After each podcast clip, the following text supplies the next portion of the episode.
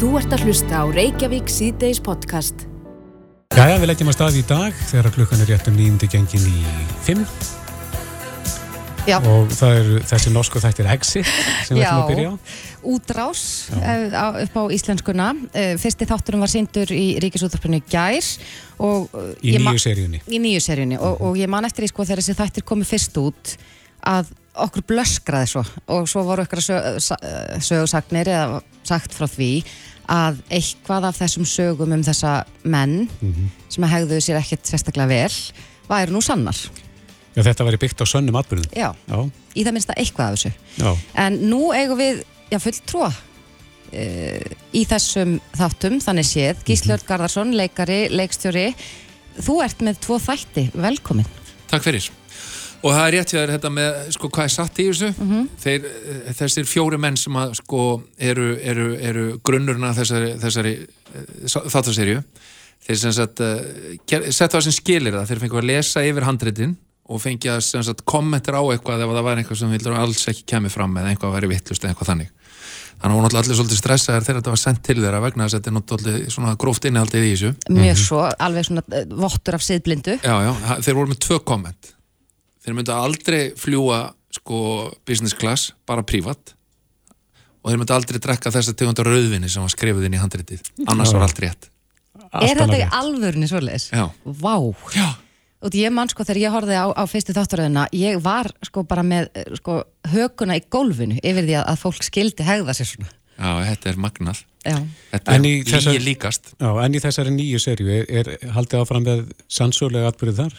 Já, nú fara þessir hérna, fjórmenningar í, í nýja tegund af útrás og hérna, við, viðskiptum og það er hérna í gr- grænu orkuna. Þannig að þeir sjá sér leik á borði í vindmilu geranum og a- allt það sem að kemur í þessari serju er algjörlega eins og það er í Nóri í vindmilubransanum að svona einhverju svona spaðar eins og þessir, þessir gaurar, þeir hérna eru búin að sjá sér leik þarna á borði og eru búin að vera mjög duglegir að, að, að reysa vindmilur selja orkuna til til dæmis fyrirtæki eins og Google og taka síðan sko allan arðin beint til Keiman eigana já, þannig að það er ekkert sem skila sér sveitafélagið annað en klapp á baki frá sveitastjóra sem sagði við erum í grætni orku, sjáum við vindmiluna sem við erum með. Já Nú er sko eh, umræðu um vindmilur hér á landi. Viljum við ekki bara hvetja þá sem að stjórna þessu landi til þess að horfa á þess að þætti og læra af mistökum norðmanna eða hvað? Jú, ég myndi segja að það væri mjög, hérna, mjög skynsanlegt og það er búið að vera serið maður frumsýnd fyrir, Nóri, frumsýnd fyrir viku í Nóri það er búið sína fyrstu uh, sex þættina þar, það voru fyrstu þrýr síndar hérna í gær, ja, kom, kom í lofti í gær. Og það er búið að gera fact-check á sem sagt bara öllu sem að Frank kemur í þessari serju varðandi vindmjölubransan og það, það stendst allt. Það er allt, sko, það er, það er, það er, allir kanalar eru réttir út frá því sem að þeir gera. En svo náttúrulega gera þessi glaðan daginn og milli er hann ekki bara, þeir eru, þeir eru líka dullega síðan að halda upp á auðvitað, hérna, velgengni sína í, í viðskiptunum. Og þar, þar svona þarf maður að stíga inn í, inn í, í heim sem að er er mjög surrealískur sko. Ég, hérna, eins og ég segi, ég leggst þér í tveimur þáttum í seríunni, nummer fjögur og fimm sem að kemur í, í næstu viku, á 15. næstu viku í sjónvarpinu og hérna og í þeim þáttum að þá faraði til Saint-Tropez í Fraklandi til þess að gera sér glaðan dag og, og við tókum það allt upp á Spáni það er gott endurgreislu kerfi á Spáni og hérna og þar fara þeir í, í hérna mikið svall og stundum sko mér leið stundum eins og ég var að, ég bara vissi ekki hverju ég væri að leggst þér á. Sumt þar sem að maður let út úr sér sko, það fljótt hvað maður, maður svo fljótur að aðlagast sko öfgafullum aðstæðum. Bara þannig eru hundrað allsberrar konur og þannig eru 20 allsberri menn og hérna, já, ert þú til í að koma þarna og eru þið til í að vera þarna og getið þið fjögur verið þarna að gera þetta og þetta og þetta? Og maður það náttúrulega bara segja og hann er náttúrulega nándar eh, nándar manneskja sem er sko milliliður í þessu öllu, það passa mjög vel upp á að allt sé gert eftir bókin og reglánum sem betur fer. En sko það sem að maður þarf að sko láta út úr sér við að leikstýra þessu, því maður náttúrulega bara, maður getur ekkert tala í kringum hlutina. Það er bara, það, það er að segja nákvæmlega hvað á að vera að gerast og sérstaklega margir hérna af leikurunum á spánir er mjög lélegir í ennsku þannig að það þarf að útskýra þetta svona ekstra vel svo það sé nú engin miskilningur stundum hugsaði ég bara hvað er ég, bara hvað er, er, er ég er ég sko, er, er þetta leik þú veist, er það að taka mig upp, er þetta, er þetta sko fallin myndavelið Þurftur að þú áður munin með sápu eftir tökur? Ég sápan hefði ekki einu svona dugað sko. sko og rjáttlæst það síðan af þér eða komst þú bara heim eftir þessa tökur og varst ennþá svolítið svona í ykkur svoratali Já, þetta er svona þetta er svolítið svona eins og þegar maður lendir í einhverjum svona uh, sérkjænlega maðurstum og maður hugsaður eftir á býtu gerðist þetta, þegar þú fer í helgaferð til New York eða eitthvað svo komin aftur heim og, og býtu fór ég út, var ég úti mm. var, var þetta gerast, en svo núna er náttúrulega þættinu komnir þannig að þetta mm. gerðist vissulega. Hvað varstu lengi í tökum þarna á Spáni? Uh, ég, við vorum í tvær vikur á Spáni í tökum uh, og svo var ég í Oslo líka fullt ekki upp í Oslo líka þannig að þetta er uh, allt í alltaf tökutímabilið einhverju 60 dagar en mm. ég er náttúrulega bara með tvo þætti þannig að ég var ekki allan tíman ég er kannski verið svona 20 25 dagar. En hvernig kom það til að þú varst fengið til að leikstýra? Sko, svo sem að skrifa þetta og leikstýra öllum hinnum þáttónum og hinnum seríónum, Austein Karlsson sem er, er norskur, ég hef leikið hjá honum í sjóhansýri sem hann hefur gert og svo þegar við vorum að gera verbúðina að þá eh, erum við ágættis kunningar, þá var ég svona þá var hann, hann var að gera exit fyrstu seríuna og við vorum að gera verbúðina þannig að við vorum svona að bera saman bænkur okkar mm. ég var svona að senda hann það sem við vorum að gera hann var að senda það sem hann var að gera og við vorum svona að gefa hverjum öðrum komment á sem sagt sko tættina þegar við vorum í gróf, grófklippinu mm -hmm. Um, og hérna og ég, ég hórði á þættina hans og ég hugsaði sko shit, er þetta að, að fara að komast upp með þetta í norska ríkisjómarfinu getur, getur það verið og svo var þetta náttúrulega bara vinsætlega en allt annað sko Já.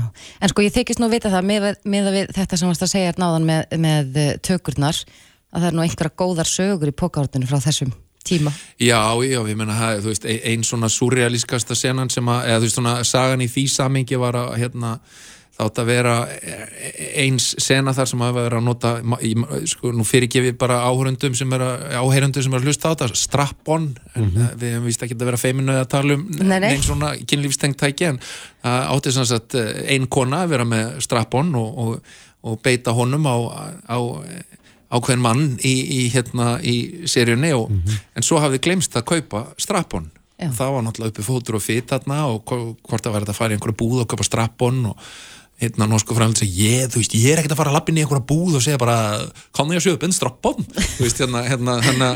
En svo segir einn spænskur maður hérna, did I hear you uh, correct, you need a strap-on og við hérna, uh, já I have one in my bag ég bara uh, why do you have one in your bag? Og þú veist, okkur eftir með strap-on í töskunni?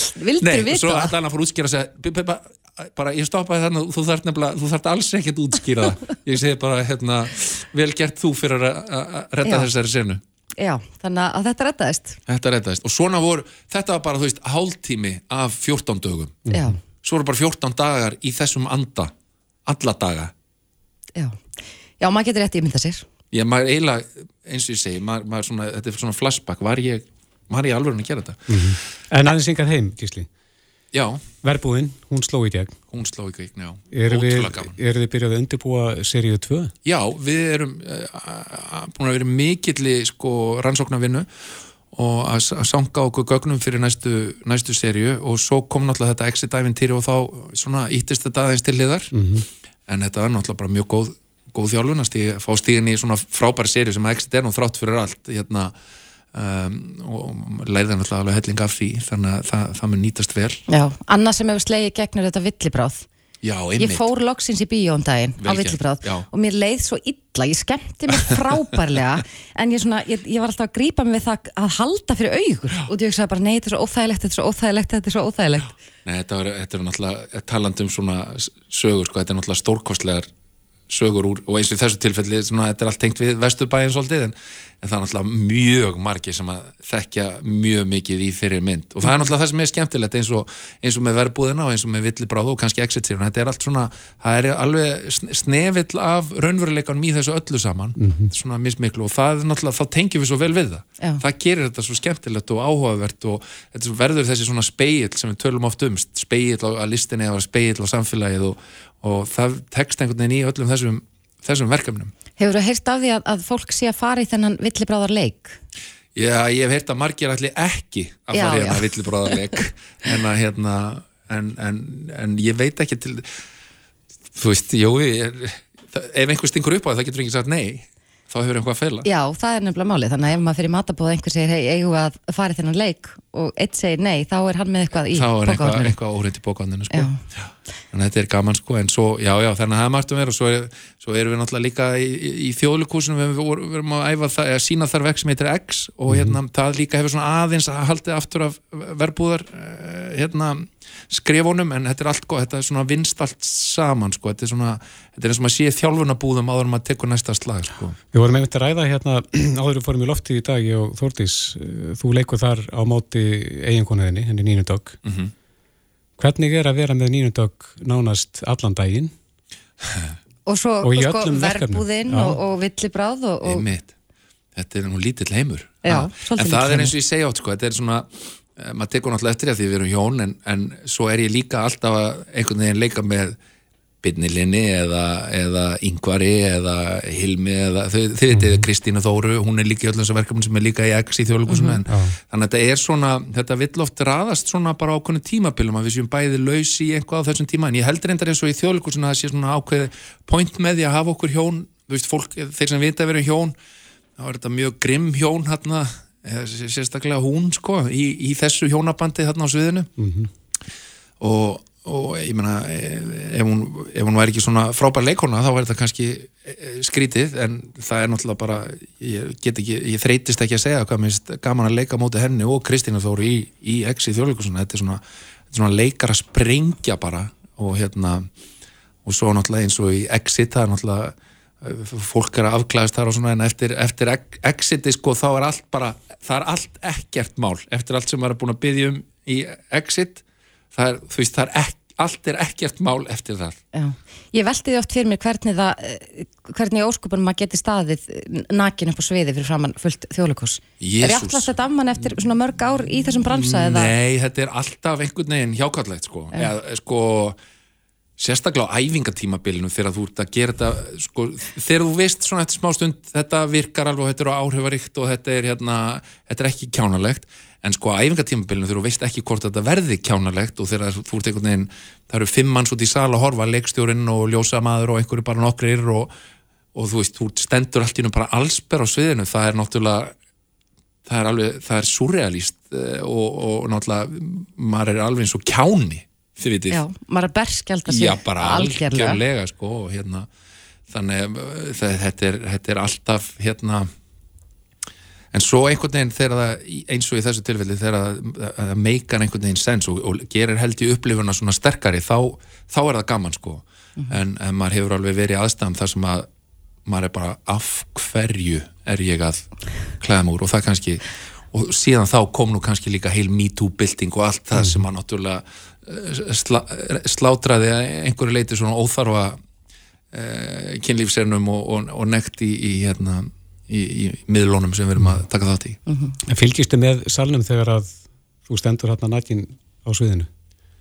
Já, sko, maður finnur alveg að það má sko heyra sömnál þú veist, þetta, þú veist, það bara er orkan í salnum umbreytist Já. og náttúrulega Nína einhvern veginn rýður á vaði í þessu sko, þessari, þessari nekt þarna sko en maður, maður, maður, ég sé á salum þegar salurinn fattar að hún er þarna ekki í neinu það bara svona, það kemur allt önnur orka í salinu og þögnin verður svona ærandi sko. Sko bara þegar þú ert að tala um þetta þá óvart fór ég að sko haldin í mér andanum. einmitt, það er það sem gerist fólk Já. bara, þannig, og að það er magnað það er mögnuð tilfinning af því að þið vitið, þrátt fyrir allt þá erum við alltaf bara veist, við erum alltaf allsbyr á þessu landi í bara sundi og í kallaklum auðvitað ekki alveg saman sko Nei, nei.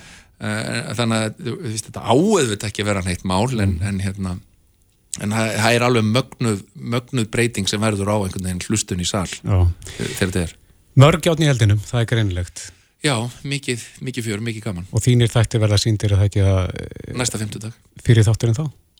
hvað sérum? Fyrir þátturinn. Þeir eru sýndir- Já, báðir, þeir eru báðir, Báðir í já, einu. þeir eru sendið þrýr í einu, þá voru þrýr þættir í gær, 1, 2 og 3 og svo næsta 50 dag er 4, 5, 6 og þar er ég með þátt 4 og 5 Já. og uh, já, ég held að verði margt þar sem að muni, muni koma skemmtilega við sjónir Og Ríkisútvarpi hefur alveg samþygt það að, að já, með við hvernig þú talaður um þessa senur, þetta er alveg við hæfi í sjónvarpi okkar landsmanna. Já, ég hugsa sko fyrst að ef að, sko allir geta bara sagt, nú fyrst að norska ríkisjónvarpið sýnir þetta án þess að skammast sína þá, þá geta allir sínt þetta. Svo kristna og, og hérna sveitalega þjóð sem við höfum nú gert grínað í mörg mörg ár. Mm. það, fyrst að þeir geta þetta þá geta allir aðeins sínt þetta. Já, ég segi bara eh, gangið er vel og til hafingi með þetta allt saman Gísli Örn Garðarsson, takk kærlega fyrir kominu Takk fyrir mig. Þú ert að hlusta á Reykjavík C-Days podcast Jæja, mál, málana má segja undanfarnar tvo daga í dag og í gær hefur eflust verið uh, um Íslenska óperuna Já. að Íslenska óperan var sökuð í gær um rasisma og menningarnám vegna uppfærslu á verkinu Madame Butterfly Já. við töluðum nú í gær við, við hana eh, steininu óperustjóra mm -hmm. og hún svona fór aðeins yfir þeirra sjónarmið en uh, þetta mál að sjálfsögðu hefur dreyið dilko eftir sér. Það vakti aðtökli í dag að einn leikar í verkinu Arnar Dan Kristjánsson hann segist ekki ætla að vera með hórkollu eða augnkmálningu á næstu síningu verksins á lögadaginn og umræðan í samfélaginu eru þetta alls konar. Sumir segja má ekkert lengur og, og svo er spurningin ofur viðkvæmni sko, en, en þetta, þetta hugtak menningar nám er nú svona nokkuð nýtt fyrir okkur held ég. Mm -hmm. að kannski skilju við það bara ekki almennilega Nei, við hefum hirt svolítið talað um þetta í tengslum við öskudaginn til dæmis. Já, en hún er sérst hjá okkur eh, Mirjam Petra Ómarsdóttir Avat sem hefur rannsakað fordóma hér á Íslandi. Kom til sæl. Blessuð, sæl. Getur við byrjað því kannski aðeins bara hva, þetta hugtak, menningar nám við erum að nema menningu Já, sko það er náttúrulega, við erum alltaf, þegar við erum að horfa á hugtök og þá erum við að rosalega horfa á svona kannski einfaldari mynda af einhverju mjög flóknu fyrirbæri þar sem við erum að reyna að útskýra eitthvað í einu orði sem er miklu flóknara heldur en bara það að nema menningu. Af því að það að nema menningu, við, við vitum það nú öll að veist, menningarleg samskipti eru rosalega hotl og það er rosalega gott að fara að kynna sér aðra menningu. En í þessu tilviki þegar við erum að tala um menningarnám eða cultural appropriation uh, eins og það er á ennsku, að þá eru við í raunin að tala um þegar menning einhvers er tekin og hópurinn sem að tekur hana upp uh, kannski skopstælar hana eða nýtir sér hana til þess að græða á henni eða gera eitthvað svona eitthvað úr henni sem að hópurinn sem að á menningunum uppháðlega hérna, fær ekki það svona sveigurum til þess að njóta góðsaf mm -hmm. svona eins og að um, að skopstæla menningu og geta klætt sig síðan úr því þegar að einstaklingur sem að tilhera þessari menningur ennþá að upplifa fordóma fyrir það eitt að tilhera menningunni að það er svona þetta menningar nám þar er ekki að eiga sér stað eitthvað svona eitthvað menningarleg samskipti af því þetta er í rauninni þá eru enginni menningarnar tekin og þau tilenguð hópurinn sem að klæði sig í en að tilengar þessi eitthvað tímabundið mm -hmm. og getur svo bara klætt sig úr þeim og þarf aldrei að upplifa afleggingar þess að tilheyra menningunni í samfélagi sem að kannski lítur niður á einstaklingana sem að til, tilheyrir þessu menningarheim. Akkurat. En stifti máli að þarna erum leikús að ræða, það sem að, það er nú heyrst í umræðin að leikús nýst um það að, að leika? Já, meina, að koma þetta... sér í hlutverk og... Uh, Já, þú getur verið í alls konar hlutverki en þú þarfst kannski ekki að vera skópstæla eða klæða þig upp í kynþátt. Þú getur samt leikið karakterinn. Mér finnst þetta svolítið áhugavert að við snúum þessu dæmi við því að við höfum svo rosalega oft heyrst sko að, að íslenski leikarar sem eru með dekkri húð geti ekki leikið, þú veist, Emil í Kattholti að því að hann var ekki, þú veist, þá erum við farin að setja mörkin á einhverja kynþáttalínur en við leifum, sko ef að, ef að fólk er kvítt að þá megi það klæða sig upp í, í aðra kynþætti og svo getur það klætt sig úr þeim og og þar er hérna, það er engin svona hugsun á bakvið það að, að það er ákveðin forréttindi að geta klætt sig í eitthvað og sett á það fram sem, já þetta er bara eitthvað búningur sem ég klæði mér, þú ert í rauninu ekki að klæða því í karakterinn, mm -hmm. þú ert að klæða því í kynþáttir hans mm -hmm. og þú þarfst aldrei að upplifa afleðingarna þess að tilera þessum kynþætti þegar að einstaklingarnir sem að tilera þessum kynþætti eru ennþá að verða fyrir fordómum fyrir það eitt Akkurat, en, en sko nú út af því að þetta dæmi sem við erum að tala um hér er auðvitað, við erum að tala um leikús og, og þó, jafnvel þó að Íslands samfélag hafi breyst mjög mikið að, að við erum með, með fólk frá mjög mörgum þjóðum á meðan að hér fyrir hundra árum síðan voru bara hérna, við í torrbæðunum okkar. En eh, hér á landi eru já kannski ekki til nægilega margir leikarar sem eru af asískum kynþætti eða sagt til þess að vera í þessum hlutverkum væri hægt að setja þetta verk á svið og gera það anþess að, að já, vera nema á brott menningu einhvers annars. Ég bara ekki, ekki búningavæða kynþætti fólks bara Nei. veriði bara veist, þau hljóta, hljóta að vera með einhverja lýsingu á því hver persóna karakter sem er í verkinu En er einhver lína þarna vegna þess að, að til dæmis ef maður hefur séð, ég hef ekki séð þetta verk en ég hef séð myndir, þau eru klættu þetta í svona japansk klæði eh, svona kimono uh, frá því fyrir hundra árum síðan en svo eru þetta hárkollur og, og það er þessi aukmálning sem hefur verið mikið til umræðu og andlist farðin Mhm. Ef að ég væri leikari þarna að leika í þessu verki mætti ég vera í fötunum án þess að vera einhvern veginn að ég, reyna að vera stereotypisk eh, japansk kona Já, þú veist, þe- þetta er náttúrulega líka spurning sem er að brennur rosalega á mörgum Já. og það þér finnst mér persónulega alltaf eftir því líka sko, í hvað samhengi það er gert eins og þarna er það leikverk og ef að, ef að það er verið að fagna menningunni og þú klæðir því eitthvað og þú veist líka hverjar afleðingarnar eru þá fyrir hópin sem að tilheyra þessari menningu að, að þau getur verið að upplifa fordóma að þú ert meðvitið um það þá kannski uh, já, kannski klæður því í þetta en, en að skopstæla kynþáttin á þennan hátt og það er alveg hægt að sleppa því og samt koma skilabóðum verksins á framfæri. En það líka náttúrulega gerir það að verkum sko að vera að nota þessi tradisjónar klæði svona að við gefum svolítið færa á því eins og við erum að tala um leikus og leikus hefur ákveðna ábyrð í samfélaginu því þau sína, sína okkur náttúrulega svona veist, hvaða hlutverk fólk getur sett sér í og farið á svið en bara gagvart börnum og grímubúningum við erum búin að vera að hamra rosalega mikið á því að það eigi ekki að klæða sig upp í menningu annara um, vitandi það að fólk getur verið að líða fyrir það að tilhæra þessum menningarheimum. Þannig að mér finnst alltaf að hver og einn verða að gera það upp í sjálfan sig vitandi það að ef að einstaklingur af asískum uppruna er að verða fyrir fordómum fyrir að vera af asískum uppruna á Íslandi af hverju ætti ég þá að klæða mig upp í eitthvað sem ég get síðan bara klætt mig úr og þarf aldrei að upplefa afleðingarnar Akkurat, en já En skipti máli, sko, hvaða hópa þeir maður að tala um eins og vikinga annars vegar? Það er svona til ákveðna stereotýpar af vikingum, það er hjálmatni með hotnum. Já, um, sko það, Er munur á þeim til dæmis og, og segjum bara asískum?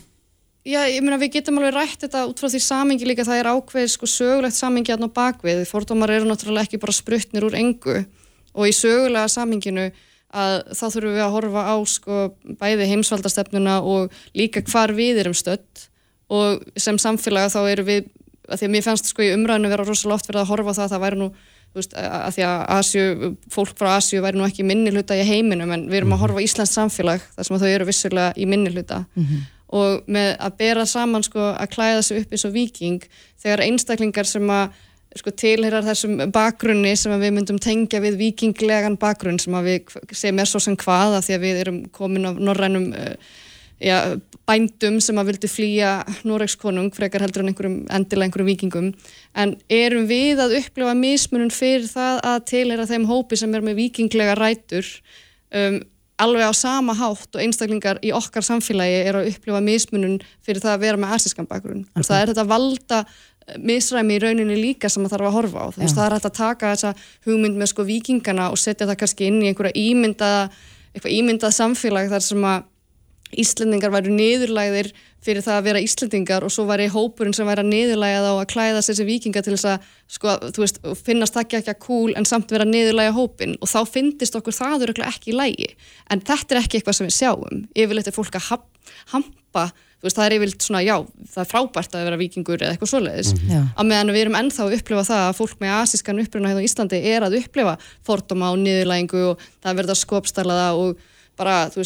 ef þú ert með asíst nafn og þú sækir um starfa á Íslandi þá er það bara miklu erfiðara heldur en ef þú ert með íslensk nafn. Þú veist, það er alls konar þetta, þetta eru hluti sem við þurfum líka að hugsa um í þessu samingi.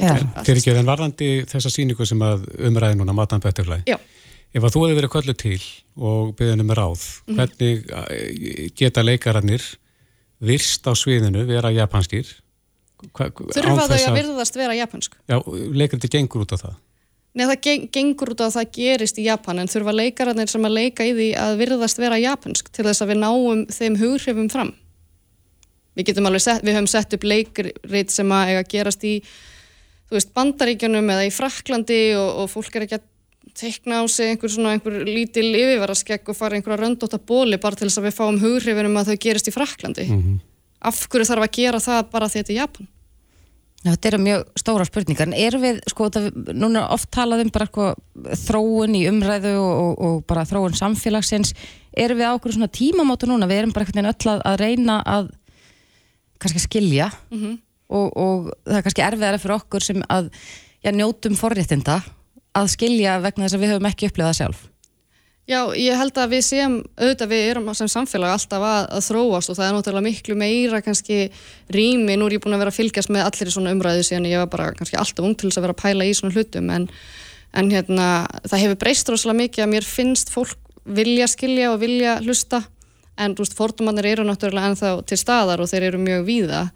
Þannig að það er kannski þetta meira að, að gefa ólíkum röddum sko, svigrum til þess að stíga fram og segja bara frá sinni reynslu af því að það er ótrúlega líjandi að burðast með þann svona reynslu bakpoka sem fordómar eru sem eru ákveðið svona íþingjandi partur af daglegu lífi fólks af erlendum uppruna hér og að fá aldrei rými til þess að tala um það. Og þegar það kom einhver svona dæmi þar sem við sem samfélag gætum verða að eiga eitthvað samtal sem er upplýsandi að það koma oft miklu sterkari rattir, svona ábyrðarrattir sem að eru eiginlega bara að þakka niður í þessu umræðinu, við vorum ekkert að gera neitt slemt og frekar en að segja bara, herðu, við kannski gerðum eitthvað sem við vissum ekki betur hvað getur við gert betur, af því að þetta er ekkit endilega snúast um það að fólk sé eitthvað vond eða það vilji vera með einhver leiðindi, við erum afurðir samfélagana sem við völumst upp í og við höfum aldrei átt þetta samtal almennilega fyrir og það er bara komið tími til þess að fara bara að kafa ofan í það bara núna sko.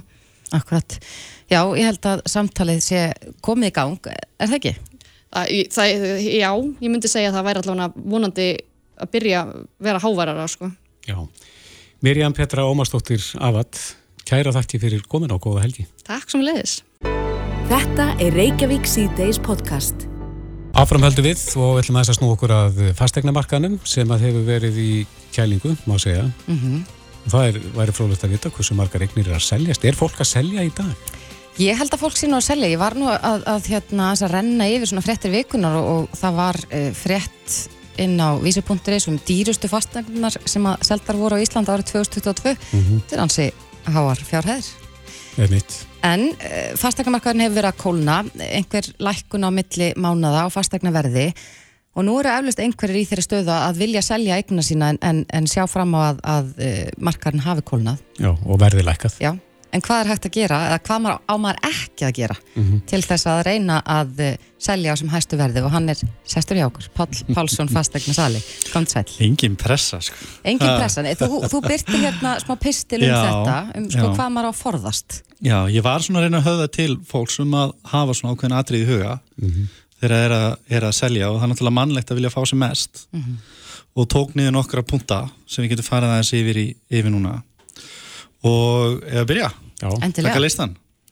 Sko, fyrsta atriði margir hugsa bara að þetta er svo auðvelt að fara þessa leið og svo framvegis, en að mann verður að forðast það að vera ekki að ofverðleikja eignana sína.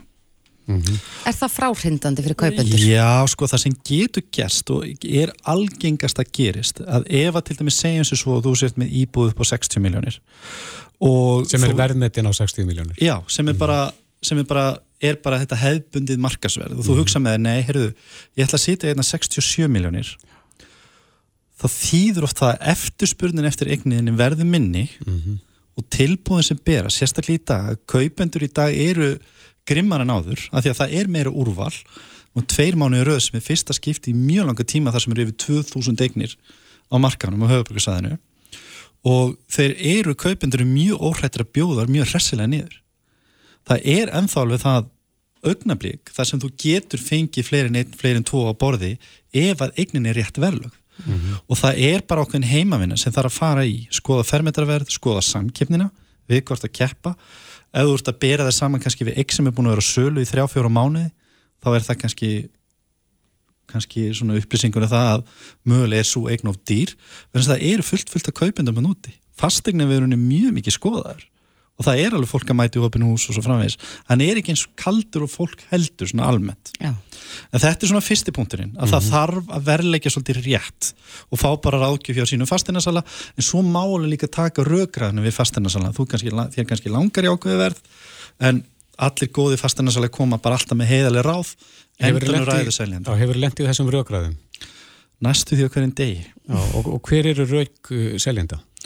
Uh, þau eru ímiskonar uh, algengast er náttúrulega það að ég þarf að fá þetta verð svo að kaupin mín ganga upp mm -hmm. svo Næsta er líka bara, hvað séu? Næsta ekki sem á að kaupa Já, mm -hmm. og það er enn þar þess að kæður í gangi þó að sko að selja eign í dag er svona frá einum og upp í 120 daga og 91% eignum seljast á lengur en 30 daga það er ekki nema 9% eignum sem seljast innan 30 daga í dag Hvaða eignir eru það? Það er, ennþá, það er langt mest að þessum uh, minni eignum en er, þetta er alltaf seljast í dag ef að verðin eru á pari við það sem annað hefur selst mm -hmm. þú kannski horfur eik sem er kannski upp á 60-80 miljónir en fólk eru átt að prófa, herri ég vil prófa setja 85, ég vil prófa setja 90 og það getur verið rosalega dýrt Já. að bara með læri tilbúin minni eftirspurnu og svo framvís auðvitað hafa komið undatekningar þar sem maður bara hefur hefnast og einhver aðalegu vilja kaupa hljóma til algjörðan undatekninga Já. Næsta ráðið. Þetta Næsta ráðið. hljómar, ég, ég, ég er að lesa þetta hérna. Þetta ráð tengist svolítið umræðu sem við höfum verið eiga í þessari viku varandi sko miklu Já, nákvæmlega. Sko það er ekki, alls ekki hunsa uh, viðhald, viðgerðir. Vegna þess að það eru allir sem eru að koma og skoða eignuna þeina þau eru ómeðvitað að hugsa hvað er að hvað þarf ég að gera. Og ef það er eitthvað sem vekur upp svona evasemdir um til dæmis til dæmis bara einhver lykt eða, eða, eða það eru rakaplettir í vegg eða eitthvað svo les, eða hunsar það að ef að við komum til kemur að gera tilbúð eftir að hafa síð þetta þá er hann alltaf að fara að bjóða mjög látt mm -hmm. í staðan fyrir að hreinlega aðtóa eru -hmm. hér kannski ummerkið um, um miklu eða raka, náttúrulega mikla kemur út að raka mm -hmm. og hérna láta rannsaka það áðunum ferði í gang með það þannig að, og það er líka bara seljandin sko hugafar seljandans á að mínumati að vera þannig að þú vilt að kaupandin sé ánaður Já. og þú vilt að hann komi inn í ykk sem að bara hann upplifir bara það hann sé að fá að kaupa góða ykk. Akkurat, en, en ef við erum að tala til dæmis bara, það er eitthvað raka blettur á vegg og, og þú lætur rannsaka en þú er bara mjög æstur í að selja eignina mm.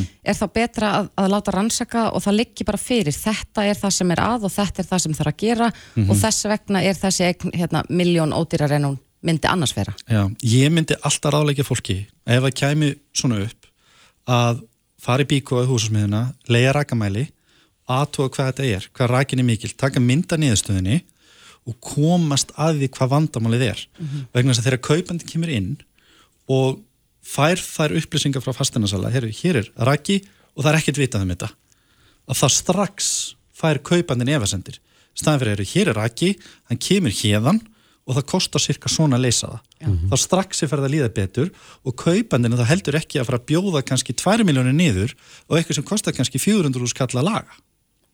Skiljiði mig? Mm -hmm. þannig ég mæli alltaf með því þó að þessi pressa þá er alltaf best að taka eitt skrið tilbaka hafa þetta bara lægi líka fyrir kaupandan Ekki sleppa við heldinu og svo er það næsta ráð Ekki sleppa, sko þetta pínu vannmyndið á, hérna á Íslandi. Það er þessi upplifun það er að segja ekki sleppa því að stíli sér að eignina þeina vegna þess að bara svona upplifa það þegar þú lappar inn í öll rými í eigninni og það er oft svona 5-10 rými það er öll herbyggi, baðherbyggi, eldur og svo framvegis að kaupandin verður að upplifa öll rýmin sér svolítið opinn og björnt mm -hmm. það er þessi tilfinning. Þið veitir þessi óutskýra tilfinning þú lappar inn í einhver eign og hugsaður hér um líðið með vel Sko mér dettur eiginlega strax í auk þú talar um ja. þetta vegna þess að ég á ógrinni af yfirhöfnum hmm. og á snögurum þegar maður kemur inn heimi á mér þá eru bara svona 40 yfirhöfnir. Það er kannski ekki endilega, ef ég væri að halda opið hús þá myndi ég ekki hafa allar úlpunnar hangand uppi. Alls ekki og bara nýri geimslu með þetta í hálftíma meðan opið húsið er. Er þetta að tala um opið hús eða er þetta að tala um eh, myndir? Bæði. Mm. Bæði myndir og opið hús auðvitað er að þannig að nú náttúrulega er sölu tímin að lengjast og það er ekkit víst að opna húsi gangi vel. Að í framhaldin er fólk svolítið komin að heimili fólks þannig að gefur kannski aðeins meiri afslátt af, af hversu fullkomið alltaf að vera.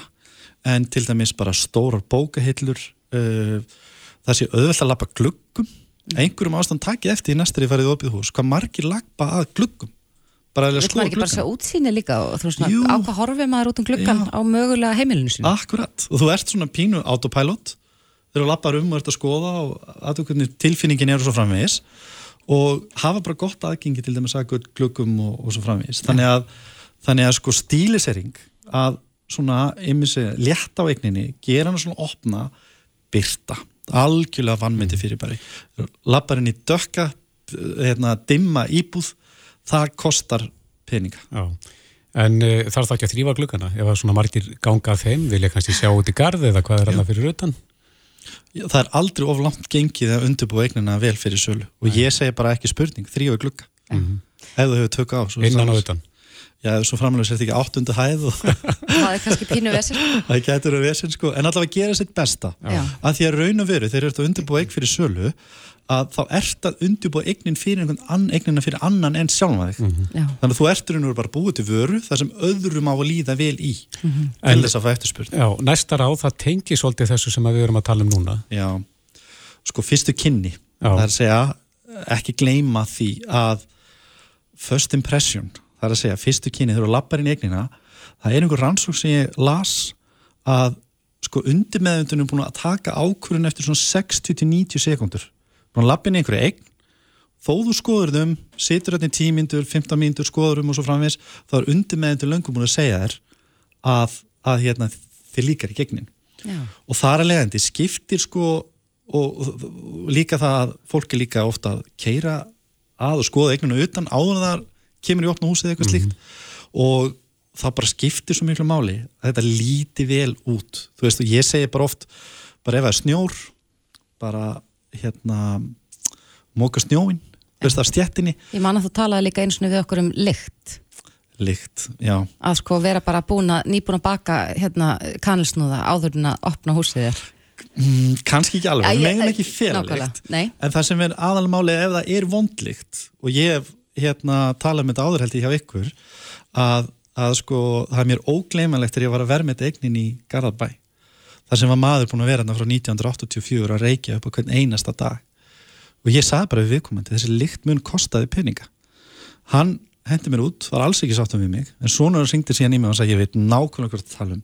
Þannig að hann reynsaði íbúina, flutti gamla og tók út alla lykt. Og enda fekk hann topp, topp verð. Mm. þess að reykingalikt til dæmis kostar pening. Ja. en að hafa einhver svona feiklikt baka eða eitthvað svona, ég set svona smá fyrir honum það, Já. bara svo framalega ekki vondlikt og ef það er einhver svona fúkalikt eða eitthvað svo leisk þá rannsaka hvaðan hún kemur. Af hverju? Það er fúkalikt. af hverju súlikt er til staðar? En sko næsta ráð er mjög áhugavert. Ámar ekki, þú segir hérna forðast að vera viðstættur síningar, ámar ekki að vera sjálfur á opna húsinu? Nei, ég mæli ekki með því. Uh, vegna þess að kaupandin, hann sko það er svo mikilvægt til fastinasalan að hann heyri svolítið fylltist löst hvað kaupandin er að hugsa. Mm -hmm.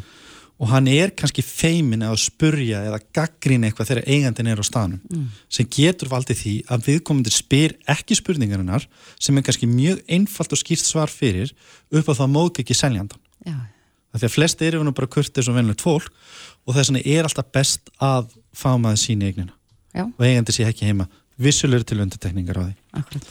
Síðasta ræðið, það er mjög mikilvægt Alls ekki fél og upplýsingar Hvaða upplýsingar getur það verið? Til dæmis er svo raka, miklu uh, slæmi nágrannar mm -hmm. og dómur hérna, hittir fyrir aðeldi um slæmi nágranna uh, ef það er eitthvað sem hefur áhrif á kaupin mm -hmm. þá yfirleitt á það sé eftirmála mm -hmm. og við eftirmála, með flóknu eftirmála þá hefur það oft á tíðum það að seljendu þurfa að gefa afslátt þannig að leið og er eitthvað sem þú veist og ert ekki alveg hík, ert ekki alveg viss hvort þú er að segja frá því ekki, segðu frekar frá því þá er auðveldara að takla það mm -hmm. og finna lausni hvernig maður laga það fyrir nýjan kaupanda Er þetta algengt að það komi upp einhver eftirbál?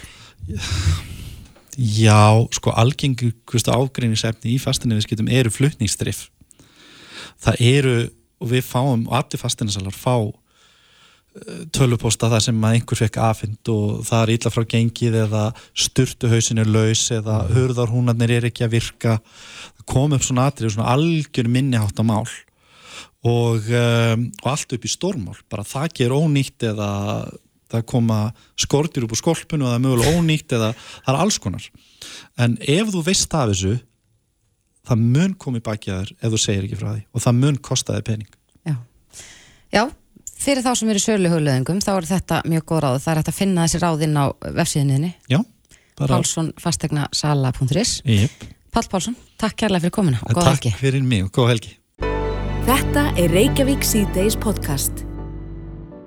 Jæja, við ætlum aðeins að hverfan er á þing. Já, og að svona kannski all, alvarlegri málum um, uh, það er kannski undanfarin ár og nú er ég bara svona að segja mína upplifun af, af, af umræðinni við erum orðin miklu opinskári með með að tala um sorg Já, og að tala um dauðan og uh, já, svona, hvernig fólk bregst við í, í slíkum aðstöðum, til dæmis ástöðuna missið eða annað slíkt. Og þetta fagnar maður því bara að við séum ekki að, að einhvern veginn að já, grafa sorgin eitthvað staðar djúft innra með okkur, heldur frekar að, að tala opinskátt um hlutina. einmitt. En uh, við rákumst á það að, Þorbjörg Sigriður Gunnlaustóttir, þingmaður viðristnar, hún lagði fram frumvarp á alþingi um sorgarleifi. Og hefur lagt það fram áður. Já. En hún er sest hjá okkur. Kom til sæl. Sæl, verið þér. Sorgarleifi, hvað er það? Þetta er frumvar sem á að mæta veruleika þeirra barna sem hafa mist foreldri. Þannig að eftirlífandi foreldri eða eftirlífandi maki eða mjög náinn aðstandandi hafi þá e, tímabundna heimilt í lögum til að fara í leifi frá störfu í sex mánuði um, einfallega til þess að gera það sem að þú nefndir að svona hérna bragðast við þessari sorg, mæta nýjum og krefjandi aðstæðum í þeirri fjölskyldu. Það er í lögum í dag heimild fyrir uh, fólk sem missir barn til þess að fara, taka sér leifi frá störfum. Það er frekar nýlegt. Það er frekar nýlegt, já. Uh, ég held að sé eitt, kannski eitt og hálft ár síðan uh, að það var sett í lög. Uh, þá nefndi ég þetta einmitt að mér þætti að þetta ætti að vera svona eðlilegur næstilegur. Fyrst við erum sem samfélag, eins og þú segir, farin að tala meir um sorgina, farin að viðkynna áhrifin sem hún hefur á, á fólk, að þá væri alveg, væri fullkomlega eðlilegt að, að sitja þessar aðstæður, að veistu, leggja þær að jöfnu. Þetta er, satt, þetta er um 100 börn á ári á Íslandi sem missa fóreldri 40% tilvika er um að ræða eh, að fóreldri hefur dáið úr, úr krabbameinum um, og svo eru þetta alls konar aðstæður aðrar. Var mikill kynjamunur reyndar á. Krabbameinin eru algengari hjá mömmunum. uh, í tilviki feðra er þetta oft, um, oftar svona óvænt döðsfell. Já. Um, og þannig þetta er svona, eins og ég segi, þetta er, þetta er lagaheimild fyrir þá, þá fóreldra sem það kjósa, auðvitað er þetta allir sem vilja gera þetta uh, en til þess að geta svona haldið utan um börnin og, og, og gefið sér tíma í, í þetta sorgarferli, af því maður heyri það líka hjá fólki sem hefur farið í gegnum þetta, því ég held við þekkjum öll dæmi af þessu, mm -hmm. misjaflega nálátt okkur að, fólk hafi kannski unnið á einhverjum vinnustaf, það sem hafi verið mikil velvild og mikil skilningur e, fyrirtæki lítið og bara ekki verið sveirum til að, að gefa meira heldur en kannski einhverja daga. Já. En, en sko nú er líka umræða um, uh, já, það er nú ekki langt síðan að, eða nokkur ár síðan að þessi stóra rannsókn var gerð áfallasaga íslenskra kvenna Einmitt. og svo er um allan heim verið að rannsaka áhrif áfalla og í raun og veru bara samfélagslegan kostnað af þeim og, og við erum að tala hérna um börn sem að missa fóreldri sem er gríðarlega mikið áfall fyrir það barn og mótandi Algjörlega, Fyrir þeirra líf. lífsins. en, en þarna þannig að þetta í raun og veru tala svolítið svona, í það. samingi við þetta Það vegna þess að það. þarna erum við þá að gefa barninu tækifæri til þess að hafa einhvern sem heldur utanum það Já. frá til au Það sé þá spurning og, og, og frumvarpið er að hugsa þannig til að mæta veruleika þessara barna og, og, og gefa þá fóreldrum svigrum til þess og fjáraslegan stuðning til þess að geta tekið sér eh, leifi eh, ef þau upplifa að það sé þörf fyrir það, eins og ég segi, það eru kannski ekki allir sem myndir notfæra sér þetta Nei. en hérna mjög oft sem maður heyri það að þetta hafi vantað upp á. Þegar mann er fyrst og svo augljóst eh, þegar maður staldrar við og hugsar eh, að það er lítið barn eða jafnvel sískinahópur sem að fóreldri fellur frá að auðvitað hefur það djúbstað áhrif á fjölskylduna eh, til lengri tíma og við ættum þessi samfélag að geta mætt því alveg eins og við veitum fólki heimil til þess að fara í fæðingarorlof eða fóreldur sem missa barn lefi til að taka orlof undir þeim kringumstöðum að við séum þá að ætlum líka að taka utan um þessi barn. Er búið að rekna út hvað, hvað er þetta stór hópur hugsanlega sem að Sko eins og ég nefndi þar talaðum að séum 100 börn á hverju ári. Eh, það eru auðvitað mörg börn en í stóra saminginu blessunulega ekki yfirþyrmandi stór tala. Uh, og að ég sagði að hérna þá, lög, frumvarpið miðast við það að þetta sé þá börn undir 18 ára aldri. Uh, það, er, það, það er, ég held að ég talaði um það frá 2008 setjum þúsund börn. Um, og eins og ég segi í, í, í, í 40% tilvöku er það börn sem hafa mist fóreldri úr, úr krabbamennum krabbamenns félagið og sorgamiðstöðin félag sem alltaf bæði hafa mikla reynslu af einmitt þessu hvað gerist þegar barn missir fóreldri hafa kallað eftir svona lögjöf talja mjög brínt að, að börn fái þennan tímabunna stöðning e, í kjölfarið. Já, en sko, maður vil ná ekki endilega fara að tala um krónur og öyra, en, en ég sé hér að, að ja, þetta er, eru greiðslur frá vinnumálstofnun að meðan. Mm -hmm. Er við að, munum við reyna að bæta tekið tap að fullu hjá, hjá þá fóröldurum sem fer í, í sorgar Þetta er teiknaði í sjálf og sér bara alveg eins upp og varandi núgildandi lögjöfum þá fóreldra sem mist hafa barn að þetta sé heimild, e, tímabundin heimild í sex mánuði e, og þetta sé 80% af launum og 600 krónur cirka þakk. Mm -hmm. E, þannig að hérna, jú, þetta er kostnaður en hann er ekki mikill og þetta kannski líka talar inn í það sem að þú nefndir áðan með það sem við vitum í dag sem samfélagum það hvaða áhrif áföll og sorg eh, hafa og geta haft á, á líf og hilsu, heilbreyði til lengri tíma.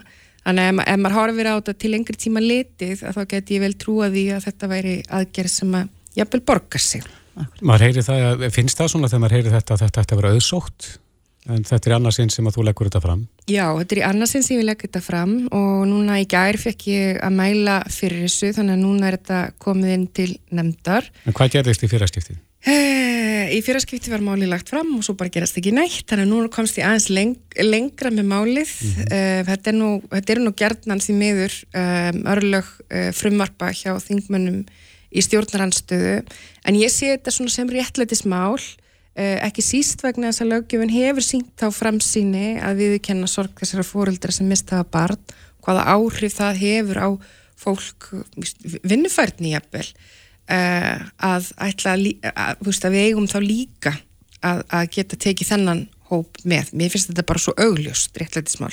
Já, við fylgjast með þessu. Gangið er vel með Takk þetta mál. Þorgruk Seyrir Gunnlaustóttir, þingmaður Verisnar. Takk hérlega fyrir komina. Takk.